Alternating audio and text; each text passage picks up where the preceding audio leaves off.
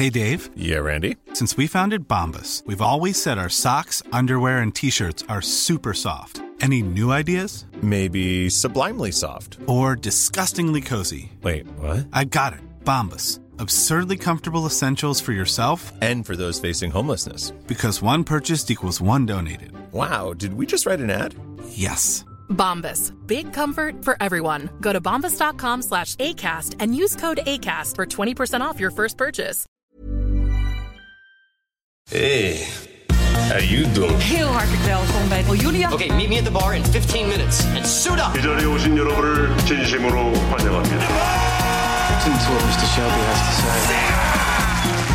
We zijn er weer. Content Wars, je favoriete podcast over de wereld achter de content. Mijn naam is Jelle Maasbach en hij is er weer. Helemaal weer beter. Opgeknapt.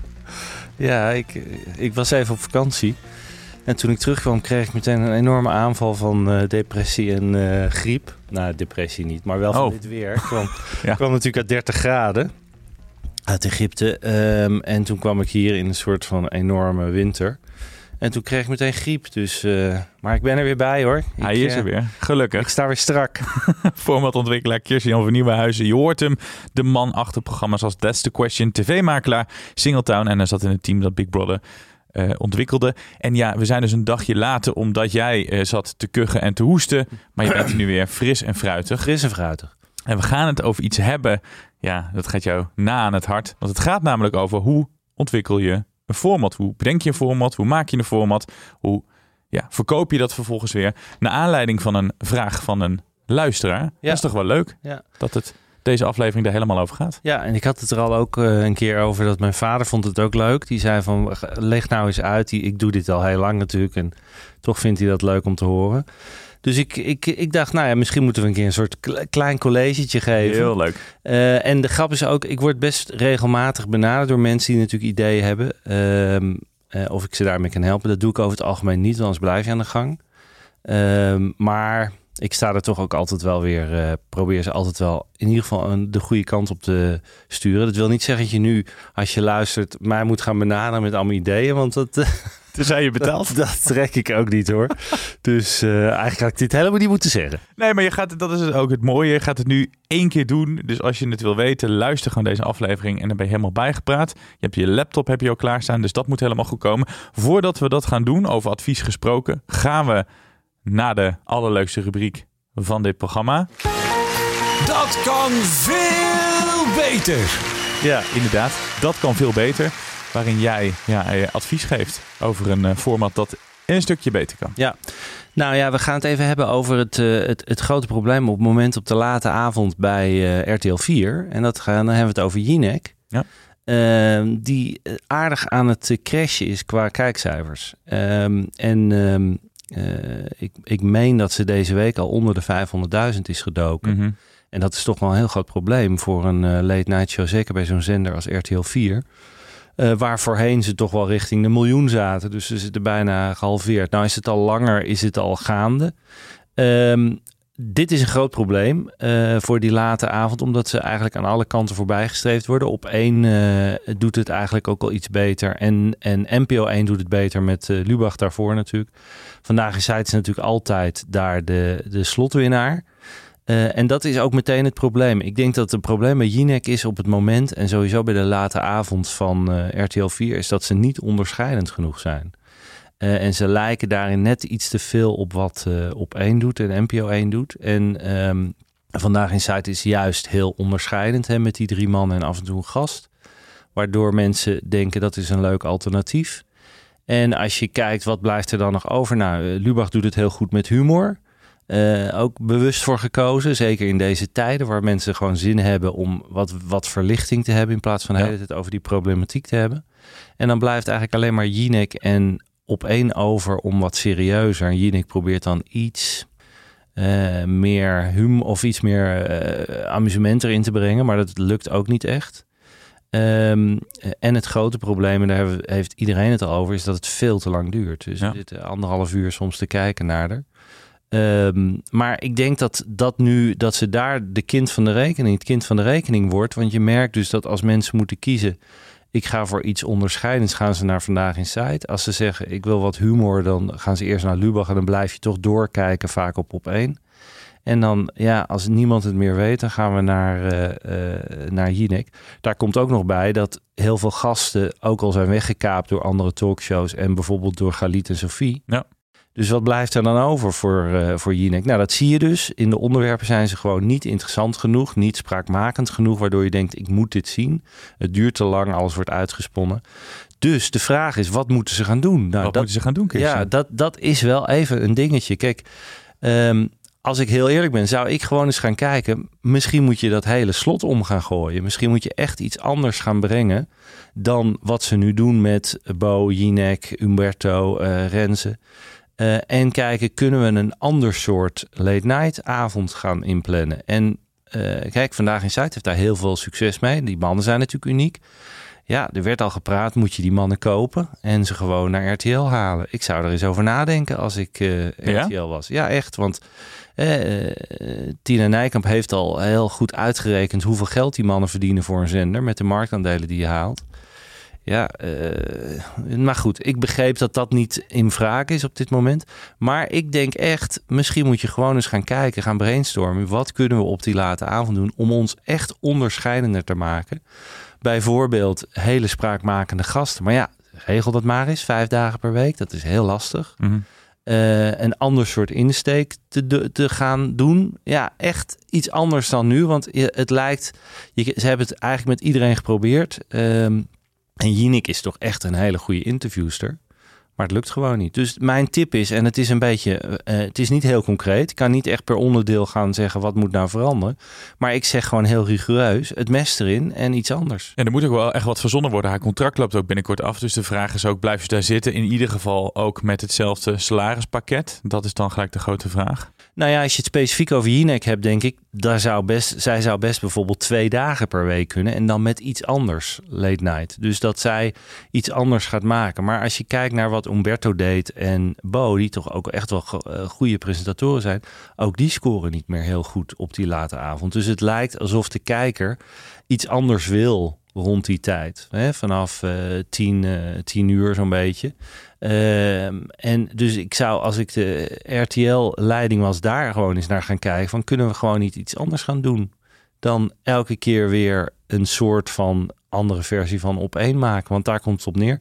Op één zal gewoon altijd blijven staan, uh, blijven zitten daar. Mm -hmm. um, dus ja, ga iets anders doen. Of kaap die mannen van vandaag in Zuid weg. Ja, maar ik denk ook niet dat RTL dat aandurft. Want dat zorgt dan weer voor heel veel ophef. Ja, ja. Maar goed, miljoen kijkers rond die tijd, twee keer zoveel als nu, is toch wel een hoop waard natuurlijk, zou je denken. Ja, dan, dan denk jij, dan zou je al dat opheffen en al dat, uh, als er dan iets met een kaars gebeurt, zou ze dat dan wel voor lief nemen? Nou ja, goed, kijk, uh, de laatste tijd is het, is het een stuk rustiger bij Vandaag in Site. Johan Derks heeft volgens mij zijn lesje wel een beetje geleerd daarin. Dus ik vraag het me af of nog heel snel zoiets extreems zou gebeuren. Um, maar ja, goed, ze zijn hun, hun geld meer dan waard, de mannen. Ik begreep dat uh, Wilfred aan het onderhandelen is met John ja? over, zijn nieuwe, over hun nieuwe contract. Dus dat zal ruim over het miljoen gaan per, uh, per persoon, vermoed ik. Dat zal, ik vermoed ook wel RTL moeilijk vinden om dat soort ja. bedragen te gaan betalen. Maar ja, goed, het werd ook over Jinek gezegd hè, dat ze dat verdienden. Ja, dus en die kreeg het ook. Hey, terug naar jouw college, ja. want dat is waar wij met z'n allen naar uitkijken. nou ja, goed. Ik ga een beetje vertellen. Ik ga niet heel uitgebreid, want uh, als ik, uh, dan ben ik veel te lang aan het lullen. Dus uh, als we beginnen met een leuk format, want een format is iets anders dan een idee. En een idee, een format is een uitgewerkt idee. Hè? Dus een begin, midden en een eind. En dat is heel belangrijk. En dat is vaak wat heel veel mensen die denken een format te hebben, zijn vergeten. Die komen dan met een idee bij een zender of bij mij of bij andere partijen. Uh, en dan vraag je, ja leuk, maar hoe is dit dan uitgewerkt? Hoe gaan we van minuut tot minuut en ook van aflevering tot aflevering? Nou, daar hebben ze meestal niet over nagedacht. Maar het begint natuurlijk allemaal bij een idee. Het begint bij een idee die iets unieks heeft. We noemen dat een USP, Unique Selling Point. Dus iets waarvan je denkt, oh grappig, dat zou ik wel eens willen zien.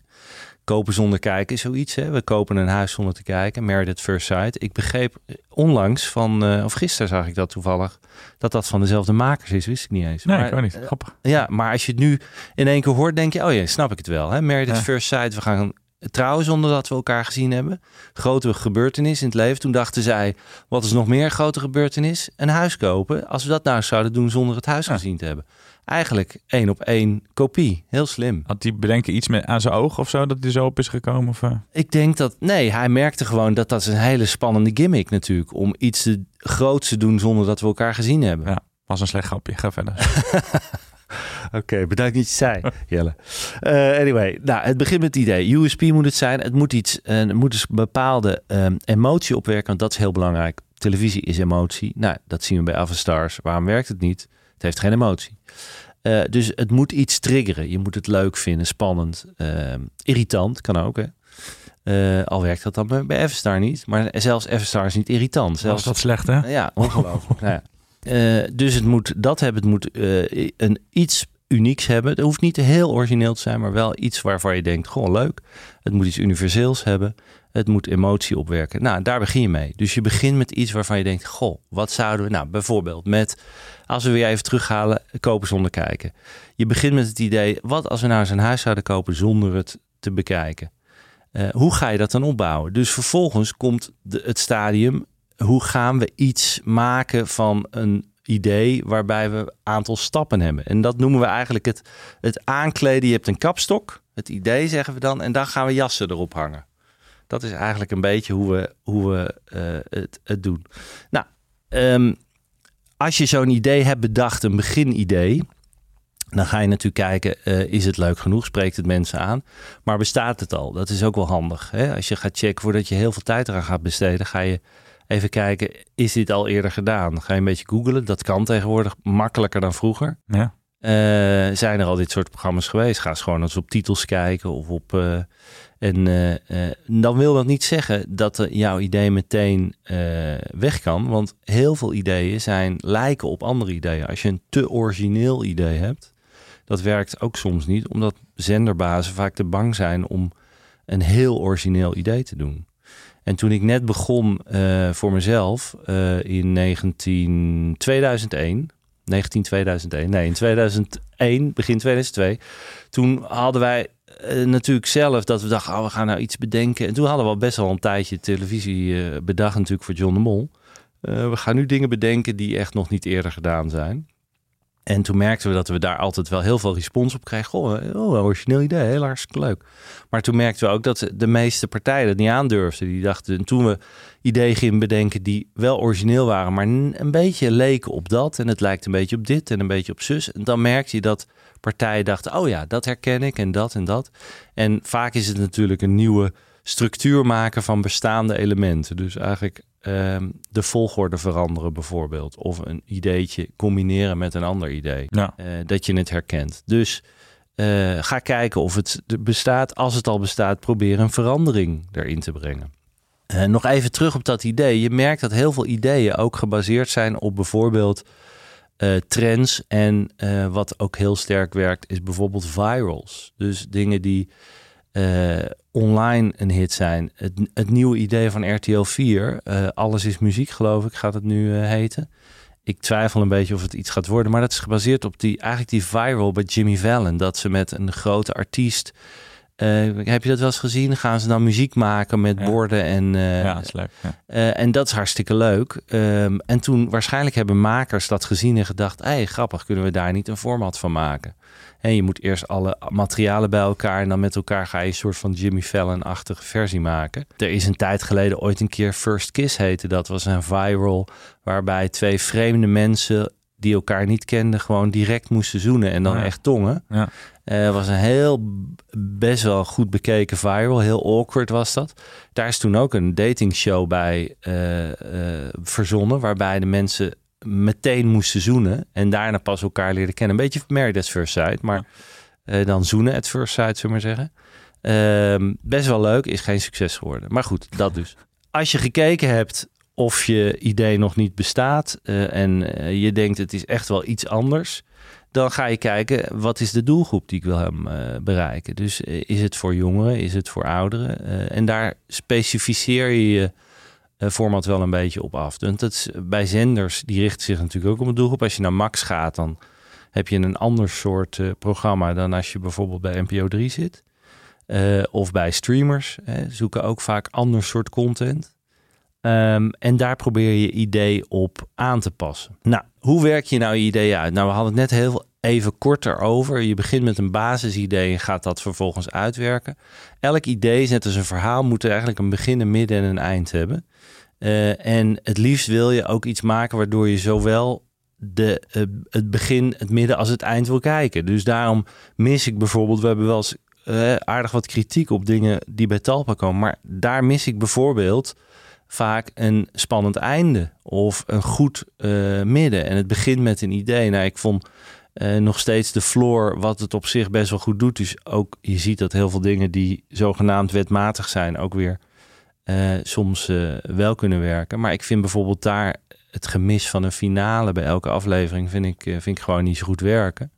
Desondanks kijken er nog steeds mensen. Dus het kan ook wel hoor dat het. Ja. Dat, dat het nou ja, goed. Dus je probeert op die manier elementen toe te voegen waardoor het spannend blijft. Wij hadden ooit een spelletje bedacht. bij een spelletje overigens is het belangrijk dat je nadenkt over het spelprincipe. Dus dat het een ander soort spelletje spelprincipe wordt. Dat hadden wij bedacht. We hadden een spelletje dat heet, ik weet niet of ik eerder een keer over gehad heb, dat heette Take It or Leave It. En bij Take It or Leave It hadden wij een spel uh, vraagprincipe bedacht waarbij ik stel jou een vraag en ik geef je één antwoord. Maar er is nog een tweede antwoord. Alleen dat laat ik je nog niet zien. Um, en dus moet jij gaan beslissen, is het nou dat antwoord dat hij me laat zien, antwoord A? En als het het niet is, moet het B zijn. Maar als jij zegt, ik wil A niet hebben, dan laat ik je B zien, maar dan kan je niet meer terug. Nou, dan moet je voorbij gaan. Dan moet je voorbij. Ja. En als je dan B ziet, denk je, shit, dat was toch A. Weet je wel, wie is de topscorer van het Nederlands elftal? Nou, ik laat je zien Dennis Bergkamp. denk je, nou, volgens mij is niet Dennis Bergkamp. En vervolgens laat ik je zien Johan Cruijff. En dan denk je, ja, shit, Johan Cruijff is het helemaal niet. Zijn het al allebei overigens. Memphis Depay, ja. Uh, dus inderdaad, maar... Um, um, en dat was een leuk principe, want mensen gingen dus... Ik liet je één antwoord zien, was een nieuw soort vraagprincipe. Uh, en dat, daar hadden we een soort spelletje om bedacht. En toen merkten we, missen iets daarin. Hè, er is op een of andere manier, het vraagprincipe is leuk, maar het mist nog een extra twist. En op een gegeven moment kwamen wij op het idee, als we nou, als je een vraag goed hebt, daarna een, een elementje hebben waarbij we een kluizenwand hebben. Met allemaal kluisjes erin. En daar Mhm. zitten geldbedragen in. Maar en ook in twee kluis zit ook een bom. En na elke vraag die je goed hebt, mag je een kluisje uitkiezen. Dan openen we die, zit een geldbedrag in. En dan mag je zeggen, wil je take it? Maar je mag ook die andere. Daar kan meer in zitten, maar er kan Oh, ook een bom. bom. in zitten. En Oh, als je een bom, Ja. dan is het andere koppel aan de Ja. beurt. Of er zit een lager bedrag in. Nou, toen merkte je dat dat was hetzelfde principe, hè, want take it or leave it, daarom heet het ook zo goed. Ehm, eh, en het was een afwisseling van het spelprincipe. En mensen vonden het ook leuk. Oh, spannend, we gaan weer even de kluizen openen. Ja. Nou, uiteindelijk is dat best wel een succesvol format geworden. Maar op die manier hebben we langzaam maar zeker eerst begonnen met een leuk vraagprincipe. Vervolgens dachten we, hebben we wat spelrondes gedaan. En met twee koppels, die moesten een soort tien vragen beantwoorden naar de finale toe. En in die finale hadden we ook nog wel een spannend eh, principe. Maar we steeds met hetzelfde vraag. En daartussendoor hadden we die bom of die kluizenwand met die bommen erin. Op die manier bouw je dan langzaam een spel op.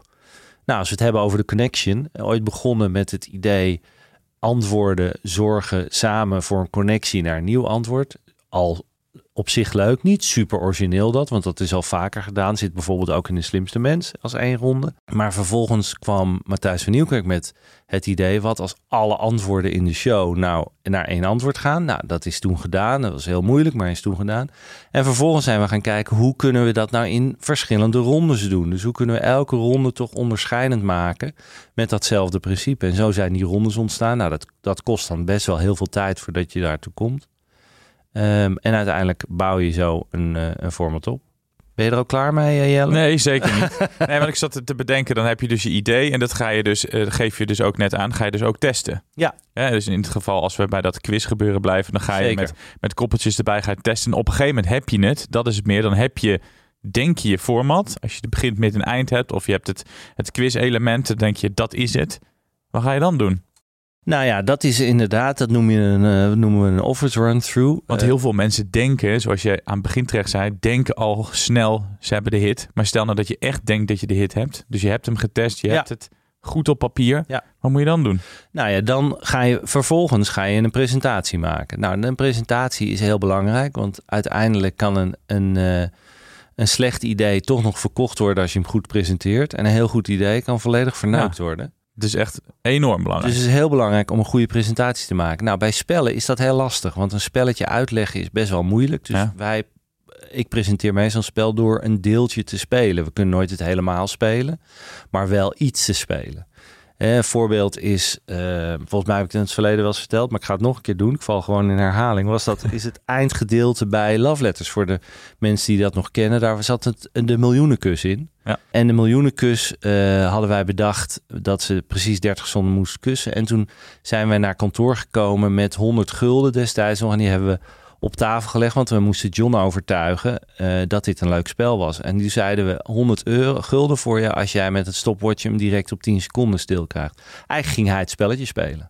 Nou, toen was hij meteen hoekt. En Linda ging het later ook spelen. En uiteindelijk lukte het na 10, 20 keer. Maar dat, dat was natuurlijk iets spel, moest in één keer. Dus op die manier zouden wij ook dat format aan anderen hebben verkocht. Van we gaan het even met jou spelen.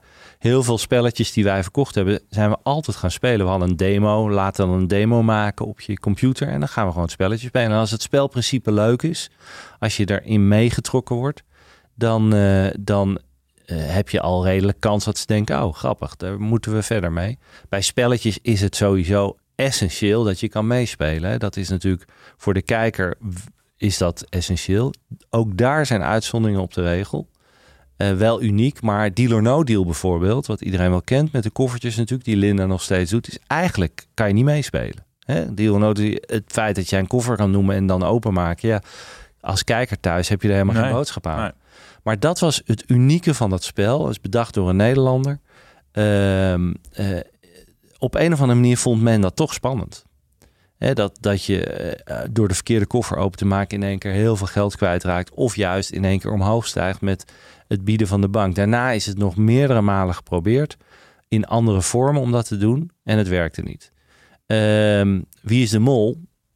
Eh, vraag is, hoe erg kan je echt meespelen thuis? Ook niet heel erg Nee. bij die spellen. Maar goed, daar zitten weer andere. Dus er zijn altijd uitzonderingen op de regel. Maar bij de meeste spellen Moet je is- kunnen meespelen. Moet je kunnen meespelen is het belangrijkste. Hoe presenteer je het? Nou, bij zo'n spel bijvoorbeeld ga je het maken eh, of ga je in ieder geval het spelen en je, je, je eh, biedt een soort van demo aan. En vervolgens moet je gaan kijken welke zenders hebben een spel nodig. Nou ja, ik ben nu met het spel bij je. Ja, jouw eh, vriend eh, Jules heeft aan meegedaan. Wij proberen dat nu te verkopen. We hebben moeite om dat te verkopen, omdat er op dit moment in Nederland best wel weinig animo voor spellen is. RTL bijvoorbeeld heeft een aantal best wel goede spellen. Helaas doet de Floor het heel goed. ik had gehoopt dat hij het niet deed, maar die doet het goed. En verder hebben ze nog een aantal goede spellen. NPO heeft een paar hele goede spellen natuurlijk. Hè, met de slimste en 2 voor 12 en enzovoort. Dus dan zit je met dat probleem. Nou, dan moet je ook nog je connecties hebben. Dat is het lastige. Daarom voor mensen die dit luisteren en niet in de business zitten... is het bijna onmogelijk om je format eh, weg te zetten, helaas. Ehm, dus mensen die echt niet in, in, in eh, de tv-wereld zitten, is eh, ja, ga gewoon keep your day job, want het is echt heel, heel erg lastig. Ja, dan moet je gaan, dan ga je pitchen. Ja. En dan? En dan, nou ja, dan hoop je dus dat er ruimte is.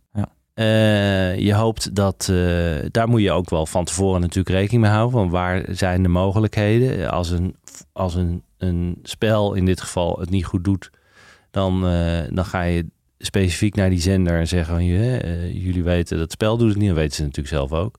Dus we hebben iets anders. Dat geldt ook weer. zaterdagavondshows, vrijdagavondshows zijn eigenlijk altijd, worden altijd gezocht. Family Entertainment zijn vaak grote, hè, achtige gameshows. Daar kan je altijd wel naar een zender toe. Ja, ja. Dan, eh, dan, dan moet je in onderhandeling uiteindelijk, als ze het willen, dan ga je eigenlijk onderhandelen. eh, wat kan je doen? Nou, als een persoon zoals ik, die eh, zelfstandig formatontwikkelaar is, die trekt meestal op met een producent. Dus die, ga, ik ga met een producent naar een zender toe, over het algemeen, niet altijd, maar over het algemeen, om gezamenlijk dit aan te bieden. En dan ga je dus kijken, als een zender het wil, ga je wat zakelijke over afspraken maken. Je gaat kijken, je gaat die producent samen met die producent natuurlijk gewoon de eerste serie proberen zo goed mogelijk te maken. Want waarom trek je, even heel domme vraag, waarom trek je met die producent op? Nou, omdat je merkt eh, dat als je als ehm eh, programmaontwikkelaar in je eentje of met z'n tweeën bij een zender komt, dan eh, vindt een zender het toch heel spannend van wie gaat dit maken. Ah, Eh, je komt hier met een idee, maar elke producent heeft natuurlijk ook wel een beetje zijn eigen specialiteit. Dus eh, voor een reality eh, competition zou, je, zou ik persoonlijk nu bijvoorbeeld naar IDTV gaan met de Verraders en Wie is de Mol. Weet een zender, oh dat kunnen zij maken. Voor een grote show, uh, amusementshow, ga je vaak naar Endemol, Bunny Jai, dat soort partijen. Ook om sterker te staan. Om sterker te staan en omdat een zender het vertrouwen heeft van, oh dit, ah het idee is goed en het wordt ook goed gemaakt. Uh, dus als jij met een producent optrekt die nog geen ervaring heeft met dat soort genres of dat soort spellen of shows. En je gaat ermee naar een zender, zal een zender denken, hmm, kunnen ze dit wel maken? En tv maken is heel duur. Hè? Gaat al gauw naar duizend tot meerdere duizenden euro's per minuut. Mhm. Dus hè, voor een uurshow betalen hè, kost al gauw een ton of tonnen. Nou, kijk, als we het weer even hebben over Everstars, wordt een miljoen genoemd. Uh, Ik kan het er niet aan afzien, maar uh, het zal ongetwijfeld uh, de ontwikkeling zijn ervan geweest.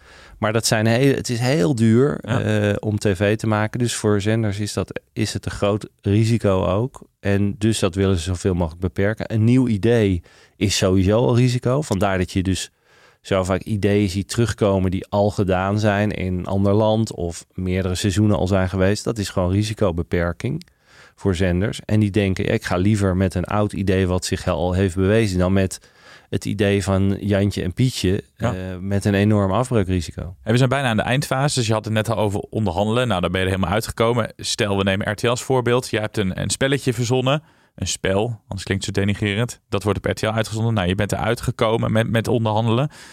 Dan is dan de vraag, dat hoor ik ook wel eens van mensen, krijg je dan een x bedrag? Of is het, uh, je krijgt betaald per aflevering? Hoe werkt dat, globaal gezien?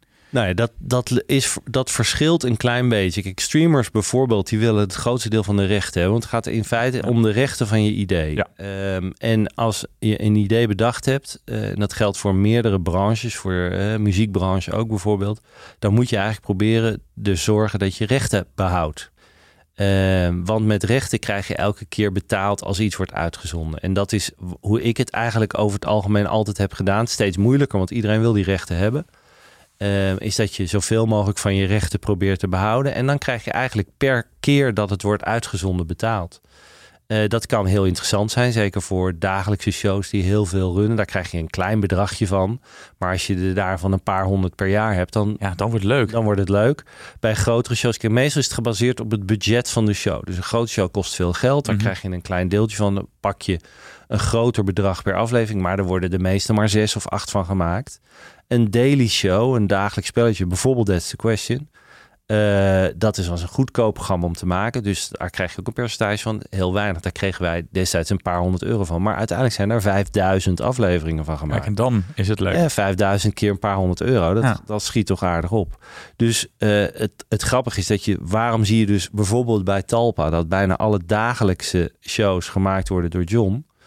Uh, nou ja, omdat hij begrijpt, daar zit het geld. Nou. Uh, niet alleen voor de producenten, vaak produceert hij het ook nog zelf. Dus uh, het is een soort broekzak, vestzak waar het geld naartoe gaat bij hem. maar als het internationaal gaat, weet hij ook van die daily slots, die zijn heel interessant. Maar er zijn ook uitzonderingen. Er zijn partijen die bijvoorbeeld jouw idee kopen. Die een idee, en dan betaal je in één keer betalen ze een redelijk leuk bedrag. en dan mogen zij het nemen zij het over met het risico van ja, als het na één seizoen eraf gaat, heb jij veel verdiend. Ja. Maar als het twintig seizoenen door blijft lopen, dan denk je achteraf shit, had ik het ja. nou niet uh, gewoon zelf moeten behouden. Ik zeg maar, stel dat je in één keer een half miljoen krijgt voor een idee, dan denk je, oh, uh, Big Brother lijkt me leuk. Ja. Dan verkoop je het voor een half miljoen. Ja. dan blijkt nou ja. dat het een succes wordt. Een mooi voorbeeld, hè? Uh, Harry de Winter is ons net ontvallen, helaas. Ja. toch wel jammer vind. Um, Lingo-verhaal is natuurlijk, hebben we het er ooit eerder over gehad. De, de, rechten van Lingo zijn door de bedenker in Amerika. Ik geloof dat er, dat er 50 of 100.000 dollar ooit voor betaald is. Nou, er zijn miljoenen mee verdiend. Dus die man zal ongetwijfeld achteraf gedacht hebben: shit, wat heb ik gedaan? Ja. Uh, maar goed, dat risico, ja, ik, probeer, ik zeg altijd: probeer in ieder geval iets van de rechten te behouden. Uh, dan, uh, hè, ja, en jij zit altijd te grappen, want ik wil natuurlijk altijd alles weten over geld, over de cijfertjes. Maar het is natuurlijk ook best wel belangrijk. Want stel je hebt een goed idee en het hoeft maar één idee te zijn dat het een klapper wordt. Je hoeft maar één keer een, een, een, een groot format te, te verzinnen wat de wereld verovert. Maar dan moet je ook nog echt zorgen dat je daar goed mee verdient. Want als je het misschien te goedkoop verkoopt. En, je, en als ik jou zo hoor, je moet zoveel hoepels doorspringen. Het, is, Ja. het voelt gewoon als een spel. Je moet een goed idee hebben, dan moet je goed format, dan moet je weer gaan pitchen, dan moet je er onderuit de, eruit komen met, met de zender.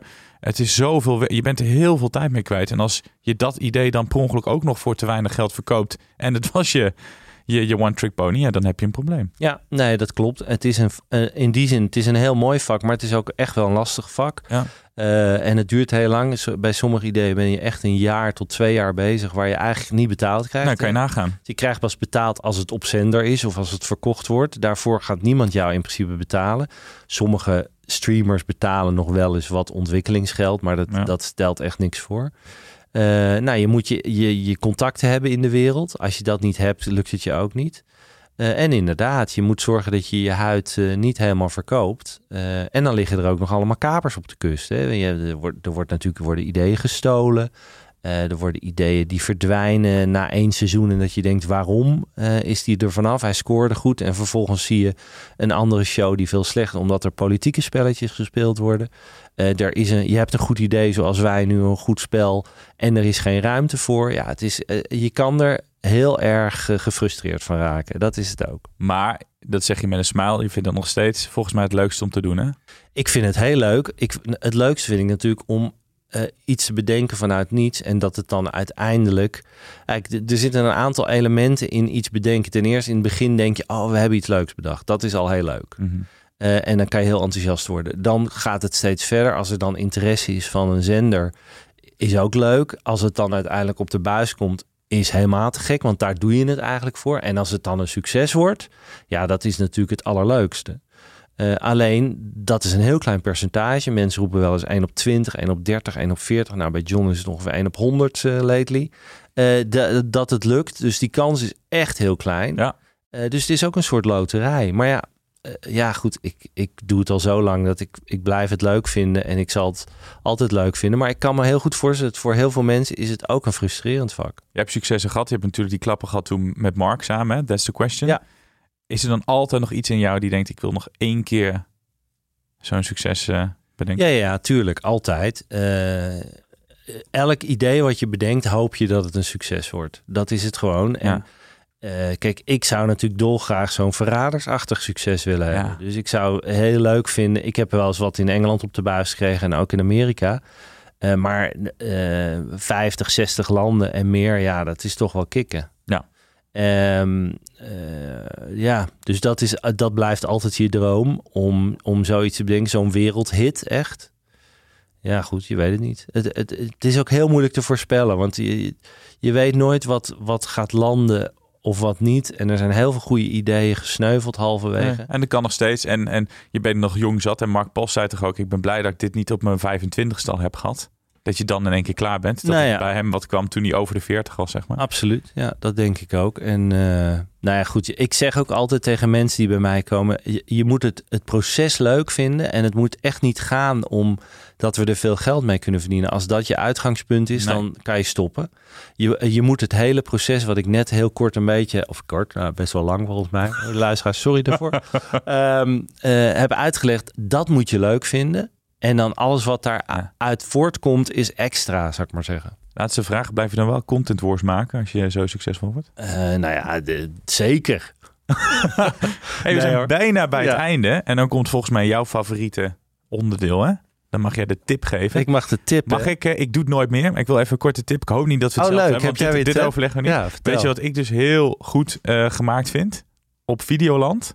Die docu-serie over Prins Bernhard.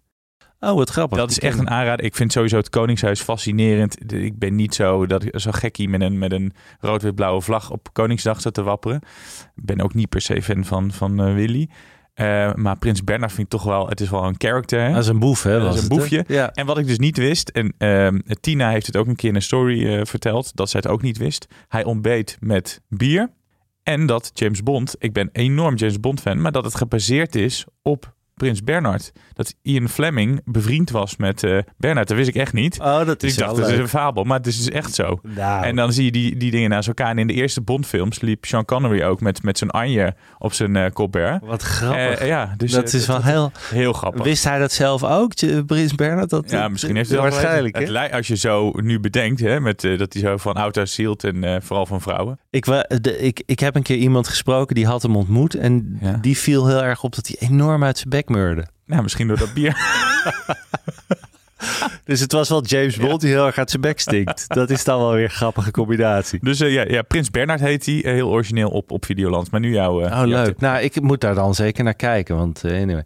Ehm, er is een, een tijdje geleden, volgens mij hebben we hem ooit wel eens genoemd, was er een format in, eh, in Rusland, meen ik, waarbij je moest overleven in de wildernis. En degene die dat het langste deed, die won een miljoen dollar. Oh ja, ja. Heb je dat? Ja, kan je ja, dat ja, nog zeker, zeker. Nou, er komt nu eh, vanavond eh, start hij, of vandaag start hij op Netflix. Ik vermoed dat dat, eh, of het is het format, of ze hebben een, een aanpassing. Dat is een gameshow die heet Outlast. Ja. En dat gaat over een aantal Amerikanen die in Alaska worden gedropt.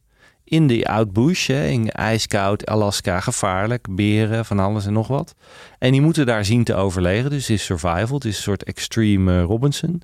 Maar de grap bij hun is, is dat zij gezamenlijk een miljoen moeten verdelen. Maar alleen maar als ze als groep overblijven. Oh. En dat vind ik een leuke Ja, want dan insteek. moet je dus ook zorgen voor je medespelers. Juist. Ah.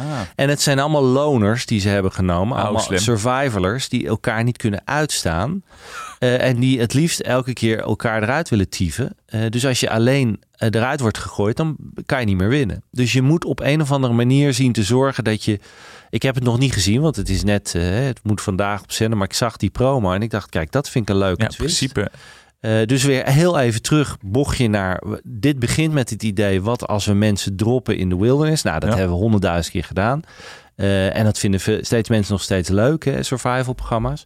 Maar de twist is dan de USP. Ze moeten, er moet een groepje overblijven en ze moeten dat geld verdelen. Nou, en zo begin je dan met een idee. Nou, ik ben benieuwd hoe wat ze nog verder hebben toegevoegd. Maar het, het loopt op Netflix. Ze komen overigens een paar echt wel knallers aan op Netflix. Hè. We hebben het nog niet... Luther had ik ook kunnen noemen. Oh, ja, daar heb ik zin in. Eh, ook vandaag. Zo. Wordt ook vandaag Nou, gedropt. nou, dan Nieuwe wat ik ga doen. film. Eh, maar Outlast op, op Netflix. Eh, Bodies, Bodies, Bodies. Eh, film van Halina Rijn. Misschien eh, volgende week een tip. Weet ik nog niet. Heb ik ook nog niet gezien. Maar zou ook nog eens iets kunnen zijn. Maar Outlast, game show. Echt wel een formatje. Netflix. Nou, top. Nou, mooi. Dan zijn we aan het einde gekomen van deze aflevering. Volgende week. En dan eh, is het toch wel echt een, een, een bijzonder moment. En allereerst omdat Tanja van der Goes hier is. Hè? Hoe verkoop je Nederlands voor Ja. ons in het buitenland? Maar het is ook onze vijftigste aflevering, Christian. Oh, is dat zo? Ja. dat is eh, Dus, een eh, jubileum, eh, jubileumaflevering. Kijken of hier taart wordt ge- geserveerd. Dan is het wel heel leuk dat, dat Tanja er is. ja, dat want is leuk. Tanja is wel een heel bijzonder eh, persoon. Eh Lisette is natuurlijk de aankoper Ja. eh, tegenwoordig. Maar Tanja die verkoopt echt formats in het buitenland. En er zitten een paar knallers bij hè, die zij Zeker. verkocht heeft. Heartbreak High, nou, je gaat gaat het er volgende week over hebben. The Connection. Eh, dus zij is echt wel iemand internationaal waar heel veel mensen mee willen praten. Omdat zij gewoon een, een portefeuille heeft van, eh, van ik mooie daar, formats. ja. Dus eh, nou ja, een hele speciale aflevering. Fijn dat zij er is. En ook fijn dat wij dan onze vijftigste aflevering... Ongelooflijk dat het zo snel gaat. Ja, we gaan ja. Abraham zien. Tot volgende week.